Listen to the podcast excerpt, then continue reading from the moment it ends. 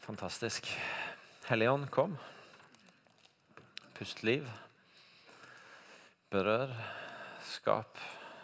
Skap. Bruk ordet til å skape i oss og til å forme oss. Amen. Det har vært ei utrolig fin åpen himmelhelg. Mye som kunne vært sagt. En ting som, eh, som jeg har tatt med meg eh, ved siden av flotte historier om helbredelser og måten Gud har berørt mennesket på, er at jeg har hørt noe om det med bevisstheten på hvordan vi formes.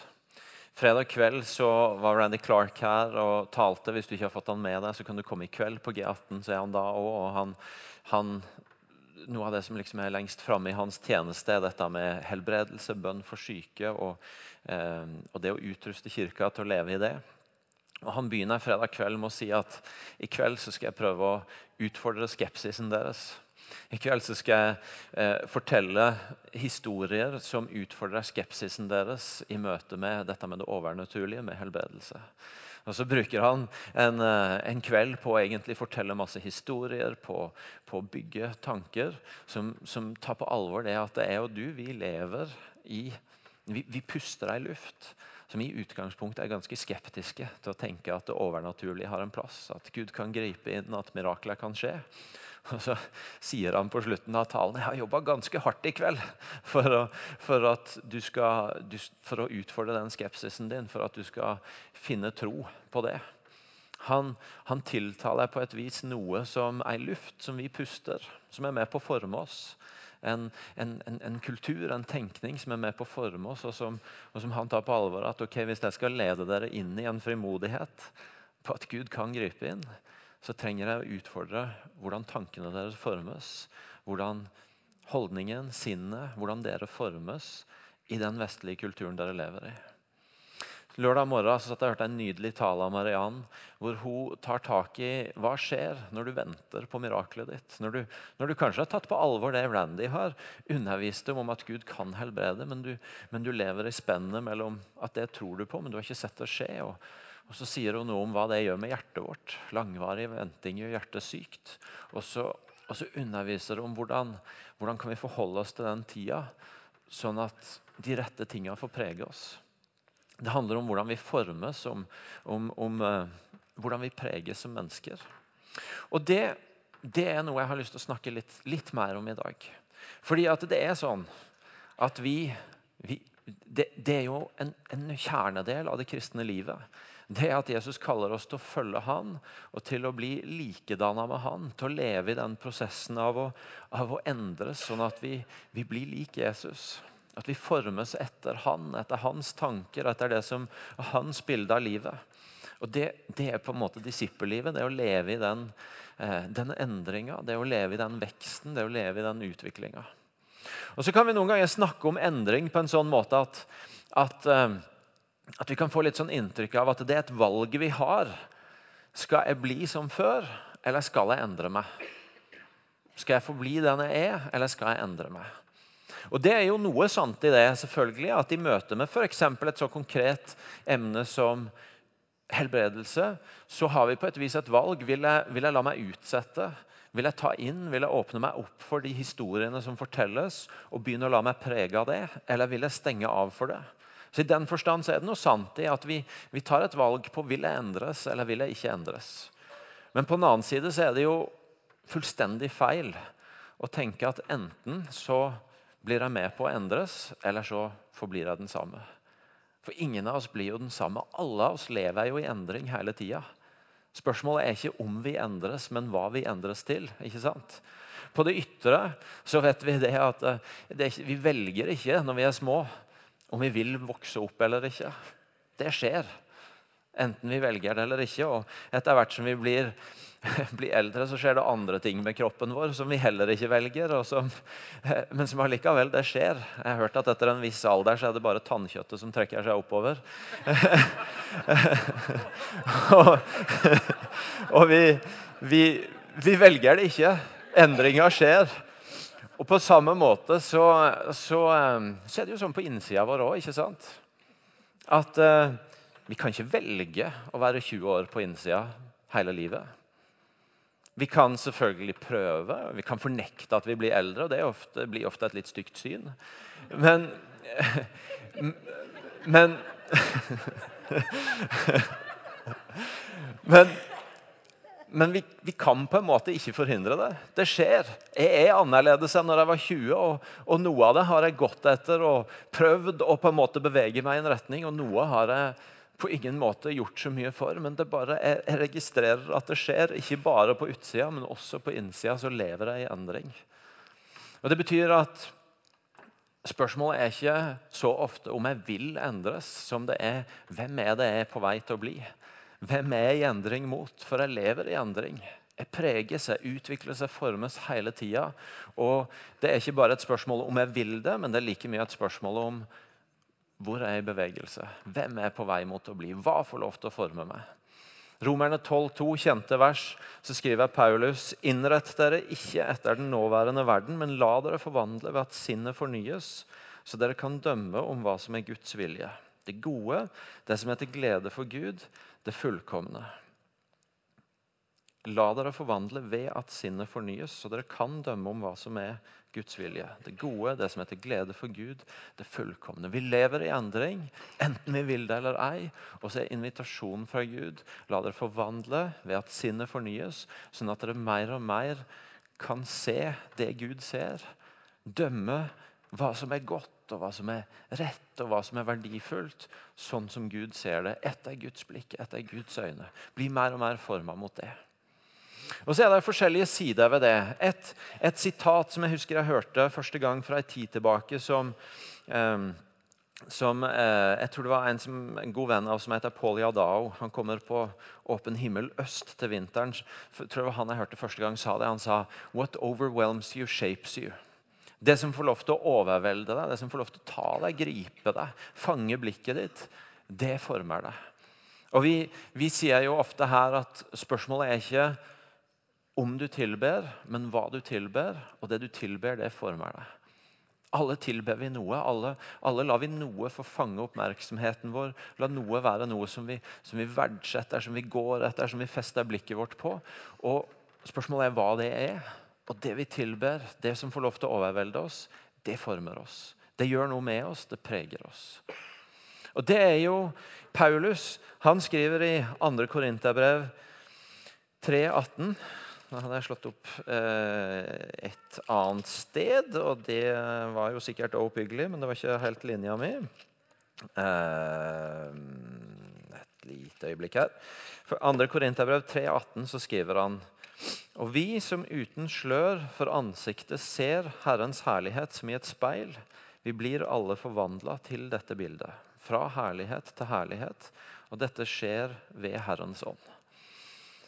Når vi lar sinnet vårt fanges av Gud, av Hans herlighet, av den han er på ulike måter. Lar blikket vårt få bli holdt der, ikke bare et øyeblikk, men over tid. Så står det at vi formes, at Hans herlighet reflekterer tilbake på oss, og så begynner vi å formes. Vi begynner å skinne igjen. Vi begynner å, eh, å bare være prega på ulike måter av den han er. Og Det betyr at en del av den invitasjonen til å leve i en endring hvor vi formes med Han, det er å velge å plassere oss i situasjoner hvor de rette tinga får forme oss. Får lov til å overvelde oss, får lov til å ta oss på en sånn måte at det gjør noe med oss, og at endringa vår går i et bilde som er mer mot Han. Det er noe av greia med, med disse åpen himmel-helgene. Det er jo at vi setter av mer tid til å la oss overvelde, til å tilbe, til å formes av noe som lukter av Han. Og jeg har lyst til at bare For å få et lite glimt av det, at dere skal få høre litt fra Tove. Håper hun er her nå. Ja, Tove, Dere må ønske Tove velkommen fram. Har en mikrofon.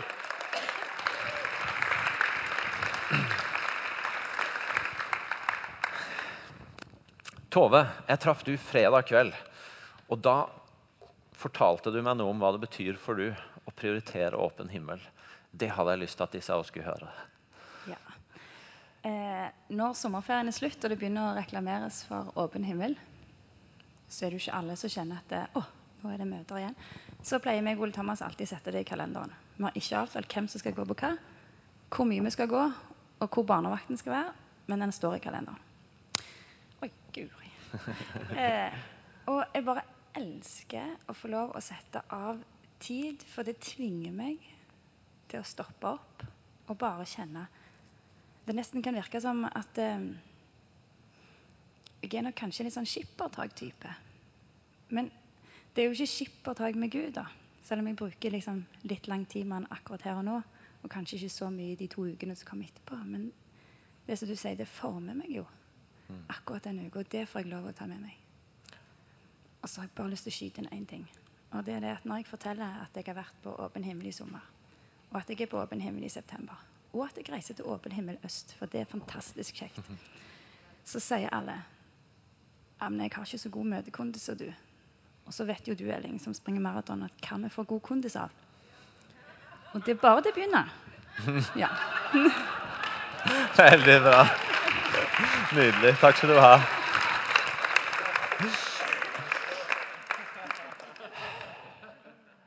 Bare setter det i kalenderen.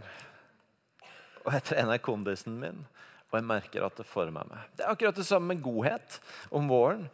Ah, litt stress å skulle bruke ettermiddagene denne uka på, på, på, å rydde plass til å være ute og gjøre godt og, og, velsigne byen. Og så er det så mange som kommer inn på andre enden av det. og Wow, dette var kjekt!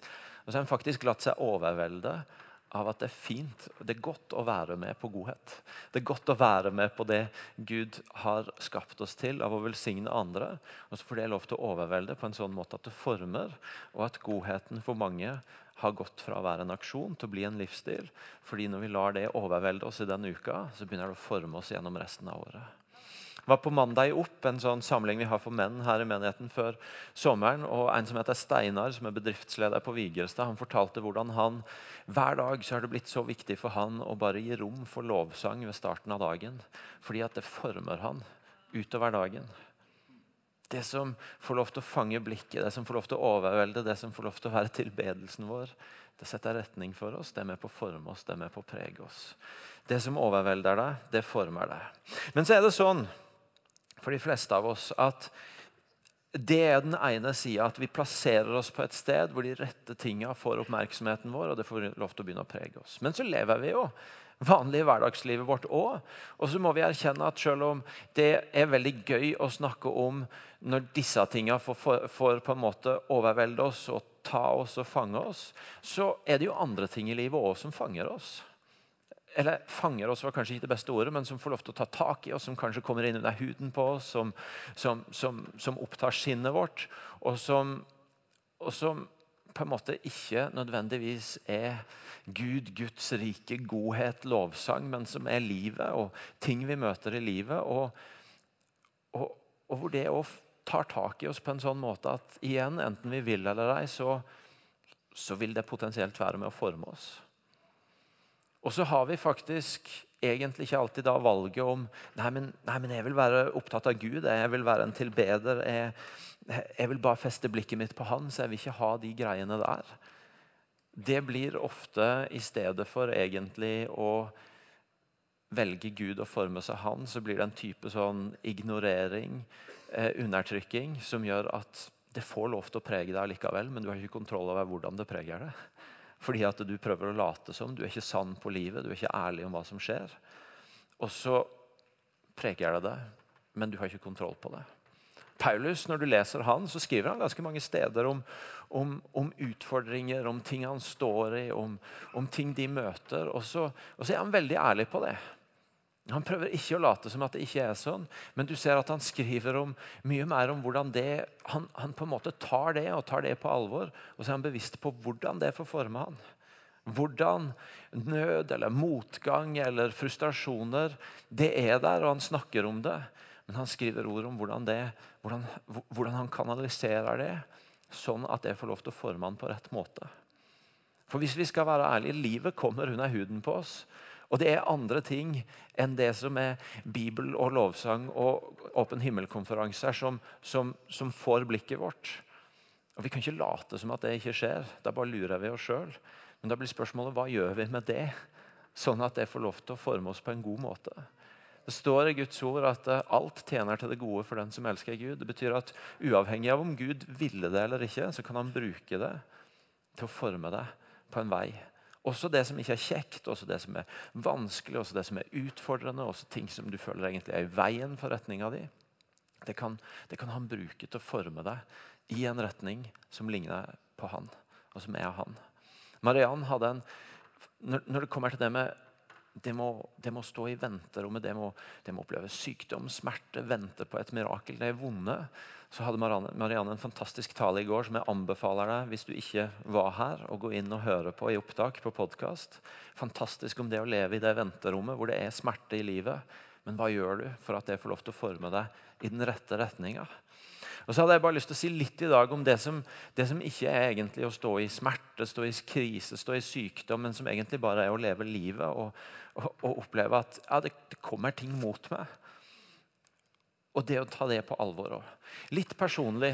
Og, og, og, det er viktig for meg å si, Jeg forteller ikke dette fordi jeg oppfatter at, at, det er noe sånn spesielt, spesielt, vanskelig eller spesielt alvorlig. Det er egentlig bare livet, men, men, men noe som jeg har opplevd det siste halvåret, og som kanskje kan være med på å illustrere det. Jeg er utrolig heldig fyr. Jeg får lov til å være med her og lede og gjøre noe som jeg ikke bare liker veldig godt, men som jeg føler meg kalt til. Jeg får lov til å være pappa i en fantastisk familie. Jeg får lov til å være med på utrolig mange kjekke ting. Og Stort sett så er jeg veldig glad for og veldig takknemlig for det. Og så er det noen ganger allikevel eh, eh, at å si at det meste er bra, men det er litt for mye av alt. Eh, at summen av livet likevel tar litt tak i meg og overvelder meg litt. Og, og, og, at jeg merker at jeg begynner å miste den der fokuset, den retninga på hvor jeg er på vei. Og eh, siste året så har jeg fått litt mer ansvar, jeg har fått litt mer på tallerkenen min. Og jeg må jobbe, måtte jobbe litt mer med det å kjenne seg overvelda. Hva, hva gjør egentlig det med meg? Hvordan former det meg? Hvem jeg er på ferd, i ferd med å bli når jeg skal håndtere at en del ganger jeg føler meg litt overvelda av alt som jeg venter av meg sjøl, og som jeg tror andre venter av meg, og som, og som jeg skal finne ut av. Og så hadde jeg en, en, fase i vinter, sånn mellom vinterferie og påske hvor dette toppa seg litt for meg. Og hvor jeg, og jeg kjente at nå, nå har jeg ikke helt eh, ja, Nå har jeg ikke så mye glede i det jeg holder på med. Um, og det er særlig to ting som jeg, som jeg observerte, eller som jeg opplevde. Det ene var at det begynte å komme skam inn i livet mitt. Uh, fordi jeg begynte å skamme meg over at jeg for, Fordi jeg kjente meg overvelda, så mista jeg glede i mange av de tinga som jeg egentlig har glede i. Og så fikk jeg lov til å sitte og høre på så mange kjekke og spennende ting som, som skjer ut fra huset her, og som jeg egentlig Det er jo det jeg brenner for. Og så oppdager jeg at følelsesmessig så er jeg bare helt flat. Jeg, jeg har ikke liksom blitt i tvil om jeg vil det eller er for det, men jeg, jeg, hører det og vet at det er bra, men følelsesmessig er jeg bare helt flat. Og Så begynte jeg å skamme meg over at jeg ikke var mer begeistra. Over at jeg ikke var mer glad. og jeg måtte begynne å, Det var ganske sånn krevende følelsesmessig å fighte med at ja, men du burde jo, du av alle, Elling, som leder dette, og som brenner for dette, og som går i kallet ditt, du av alle burde jo være den som sto øverst på stolen og jubla. Men du nikker og smiler, men inni deg så er du egentlig ganske flat. Og skam, vet du, det er, det er, det er aldri noe å trakte etter. Altså. Jeg har sagt det mange ganger at jeg ser aldri Jesus bruker skam, for det kommer aldri noe produktivt ut av det. Så skam er definitivt ikke fra Gud. Og eh, noen bedritne greier. Og ikke noe kjekt å kjenne på. Det andre som eh, som jeg la merke til, det var at jeg som er en sånn Det skal riktignok sies at jeg har alltid vært dama i forholdet til meg og Hildegunn. I den forstand at eh, jeg har alltid vært den som har hatt behov for å tenke og rydde og prosesse litt ting. Mens Hildegunn hun er herlig enkel og rett fram, og eh, ting er ikke så komplisert. Men allikevel, sjøl for meg, da, som, som oftest, gir meg, gir meg, et par timer alene med en kopp kaffe og en notatbok, så har jeg liksom plassert ting. Ehm, jeg bare merka at nå er det masse greier i systemet mitt, og jeg klarer ikke helt å plassere det. Jeg, jeg, jeg merker at det skjer noe her, og at det er ting på gang, men jeg, jeg, ikke jeg har ikke helt språk for det. Jeg klarer ikke helt å sette ord på det. Jeg vet ikke helt hva det er for noe. men det får, det var, Systemet mitt klarte ikke å fordøye greiene. Jeg klarte ikke å fordøye de tinga som, som skjedde. Og så Ok, Så på en måte kom jeg til et punkt ved påske hvor jeg forsto ok, dette er der jeg er. Jeg kjenner meg litt overvelda. Skam er noe dritt, og jeg kjenner på det. Og jeg klarer ikke helt å fordøye de greiene som foregår her. Snakka med Gud om det og eh, opplevde at han pekte meg mot stillhet. Du må lære deg å være stille igjen. Og så begynte jeg å utforske det. og så, det, Stillhet er jo en åndelig disiplin. og Det er mange i kirkehistorien som har holdt på med det før. og Lærte litt av de. Og så, og så lærte Gud meg noe om at det som for meg så langt hadde vært å være stille med Han, det var jo å sitte og lese i denne og sitte med ei notatbok. Og sitte og sånn, og så bare Gud bare Nei, nei, nei. Ingen bibel, ingen notatbok, ingenting. Jeg mener stille. Du skal bare være stille.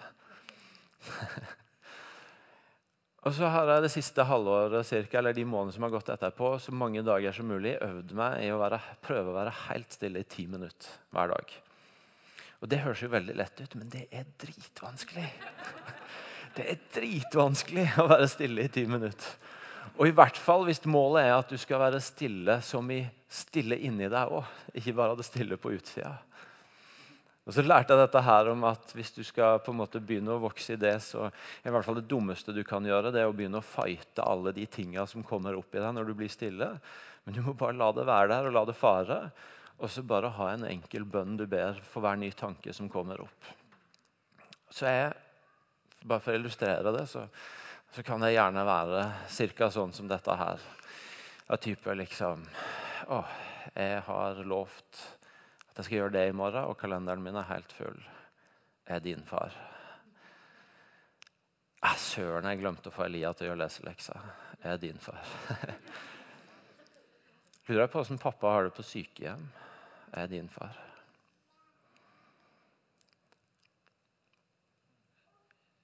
Jeg lurer på hva jeg skal si til søndag. Jeg er din far. Lurer på åssen mamma har det. Jeg er din far.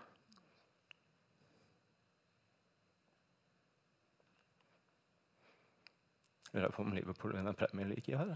Jeg er din far.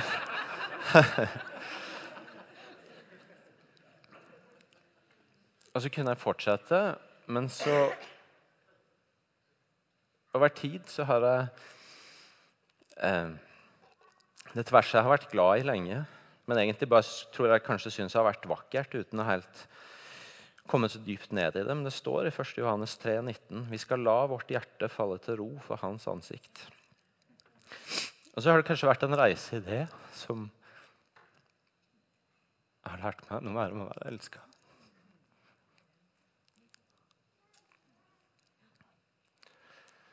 Og så tror jeg ikke jeg er følelsesladd fordi at dette har vært så veldig vanskelig. For det er viktig for meg å si at dette er jo bare livet.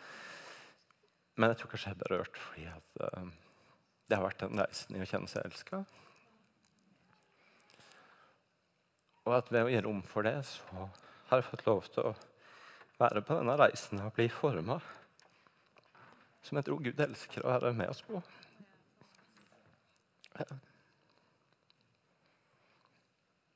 Vi lar våre hjerter falle til ro for hans ansikt. Jeg ble litt tatt off guard at jeg ble så følelsesladd nå. Jeg var ikke en del av forberedelsene mine. Sånn er det noen ganger.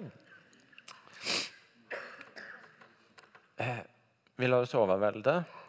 Det som overvelder oss, det former oss. Men det som skjer i livet vårt, former oss enten vi vil eller ei. Så i stedet for å ignorere det, så kan vi gi rom for det og ta en type kontroll på ja, men hvordan skal det få lov til å forme oss. Det siste jeg har lyst til å snakke om, det er at noen ganger så møter vi smerte rundt oss som det faktisk er veldig bra at får lov til å forme oss. Det er en del av Guds vei for livet vårt. Jeg står her i Håvard, du må komme og hjelpe meg. Dette er sikkert Håvard veldig glad for. Fordi at når Håvard så meg i dag, så skjønte jeg at han kan fransk. og det kan ikke jeg, Så du må bare si hva som står der. På fransk? Ja. Uh, der? Ja. uh, nei, jeg kan jo ikke fransk, jeg. Uh, Je suis Arne Visnes. Ja, flott. Takk.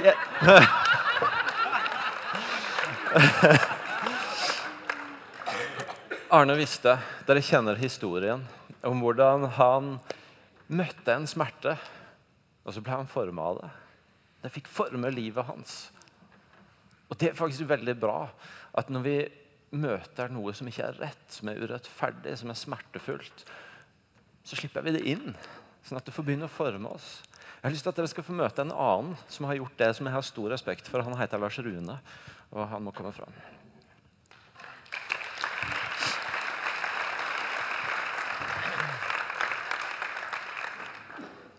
Lars Rune, aller først, si bare helt kort eh, hvor du bor, og hva du holder på med. Ja. Lars Rune bor på Vardeneset, er gift med Bente. Vi har tre barn som er flytta ut. Eh, så jeg er aktiv i Vardenes menighet i eh, forbønnstjeneste og eh, ungdomsarbeid. Og så er jeg med i helbredelsesrommet her på IMI. Eh, og så jobber jeg Jeg er IT-ingeniør. Jobber i Equinor med digitalisering og robotisering. Eh, For jeg tror det må være fem-seks år siden så ble jeg veldig fascinert. For da var jeg og talte på fellesmøter i Bamble. Og så fikk jeg med meg et lite team fra IMI, og du var en av de. Og du kjørte ens ærend fra Stavanger til Bamble for å holde et seminar om bønn for syke. Det var ikke helt korrekt, for jeg trodde jeg skulle være med på team. Eh, men så endte, det opp med at eh, det, det var ikke alle som kom. Og så ble jeg utfordra om jeg kunne lede et seminar om det profetiske og eh, forbønn for syke.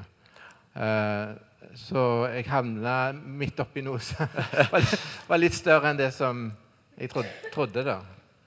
Ja, du minna meg på her når vi før at jeg visstnok hadde annonsert at det var det viktigste som skjedde hele helga. og det seminaret. Ja, så ingen så- no pressure, men For, for sikkerhets skyld så, så tar han den da eh, sånn på morgenen før vi skulle i gang. Og så tenkte jeg OK.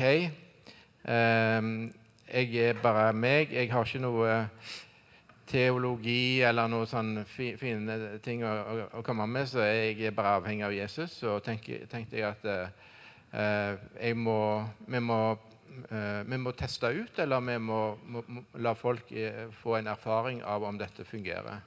Eh, og så tenkte jeg hvis det, her er jeg Gud, så jeg, eh, nå går jeg ned med skipet med mann og mus, eller så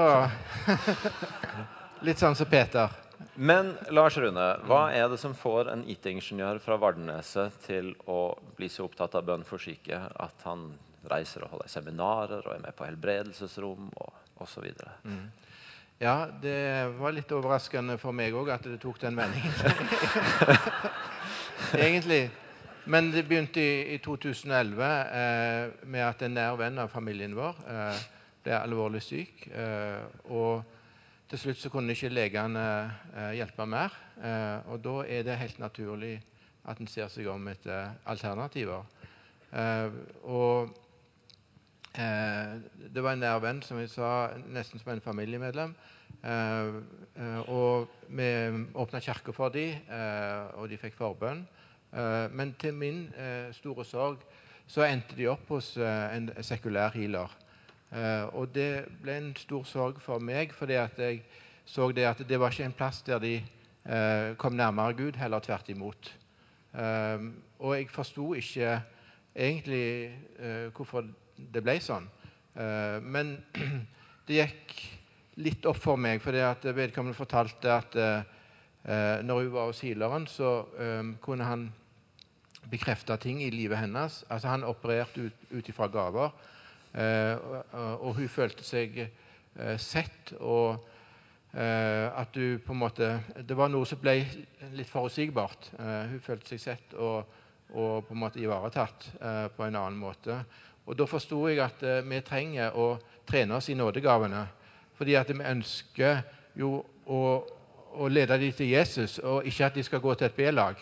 Eh, så det ble egentlig eh, utgangspunktet for at jeg eh, var, med, på et seminar her på IMI den høsten. og det var en som var leder i helbredelsesrommet i Bettel.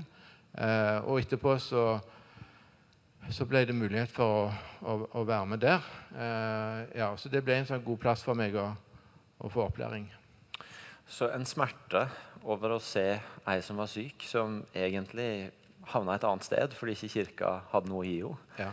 Eh, som leda deg til å så konsistent gå for bønn for syke som du har gjort i de åra siden.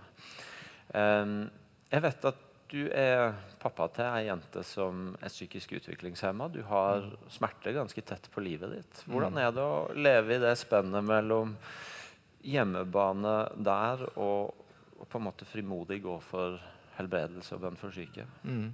Det kan være en utfordring. Eh, eh, jeg tror ikke Gud har eh, Jeg tror ikke Gud sender sykdom til, til mennesker. Jeg tror det er en følge av syndefallet. Jeg tror Gud er en kjærlig Gud, og at vi er hans barn. Akkurat som Jeg kunne aldri tenkt meg at jeg sender sykdom til en av ungene mine. Det er helt utenkelig for meg. Og sånn tror jeg det er for Gud òg. Men Eh, ja, så det, det eh, men, men, det kan være utfordrende. Og, og Randy Clark, eh, for de som var her i går kveld, han snakket også om det, at det kan være tøft av og til. ja, Så det, det er noe som et spenningsfelt, på en måte. Hva gjør du når du kjenner at du mister motet? Eh, da går jeg til IMI, eller til en annen plass der jeg kan få forbønn. Eh, fordi det, jeg opplever det at det er en sånn dynamikk i det. At vi, vi gir, og vi får. Mm. Uh, og vi er avhengig av hverandre. Nydelig. Tusen takk skal du ha, Lars Rønne.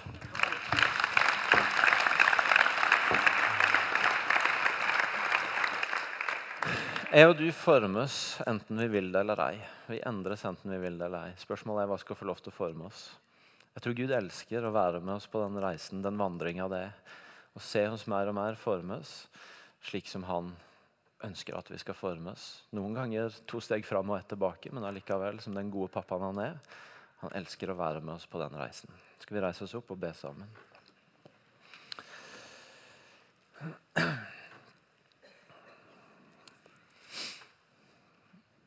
Jesus, takk for at du kaller oss. Takk for at du leder oss, og takk for at det å følge deg ikke er å si, bare punkter opp mot en eller annen eksamen hvor vi er ferdige, men at det er en reise i relasjon med du. Hvor du tar det som er livet, og former oss. Jeg ber deg at for de av oss her inne som trenger å bli oppmerksom på at vi må, vi må plassere oss på steder hvor du får fange vår oppmerksomhet på en sånn måte at, at det former oss på en annen måte. At du rører ved hjertet vårt nå taler til oss om det og viser oss en vei i det. Jeg har, talt, jeg har sagt at skam ikke fører til noen ting. Jeg jeg har ikke så veldig mye tro på at folk her begynner å gå på flere konferanser ut av skam eller plikt. Men jeg ber deg om at du rører ved hjertet til de av oss som, som trenger å på en annen måte plassere oss med du foran blikket vårt.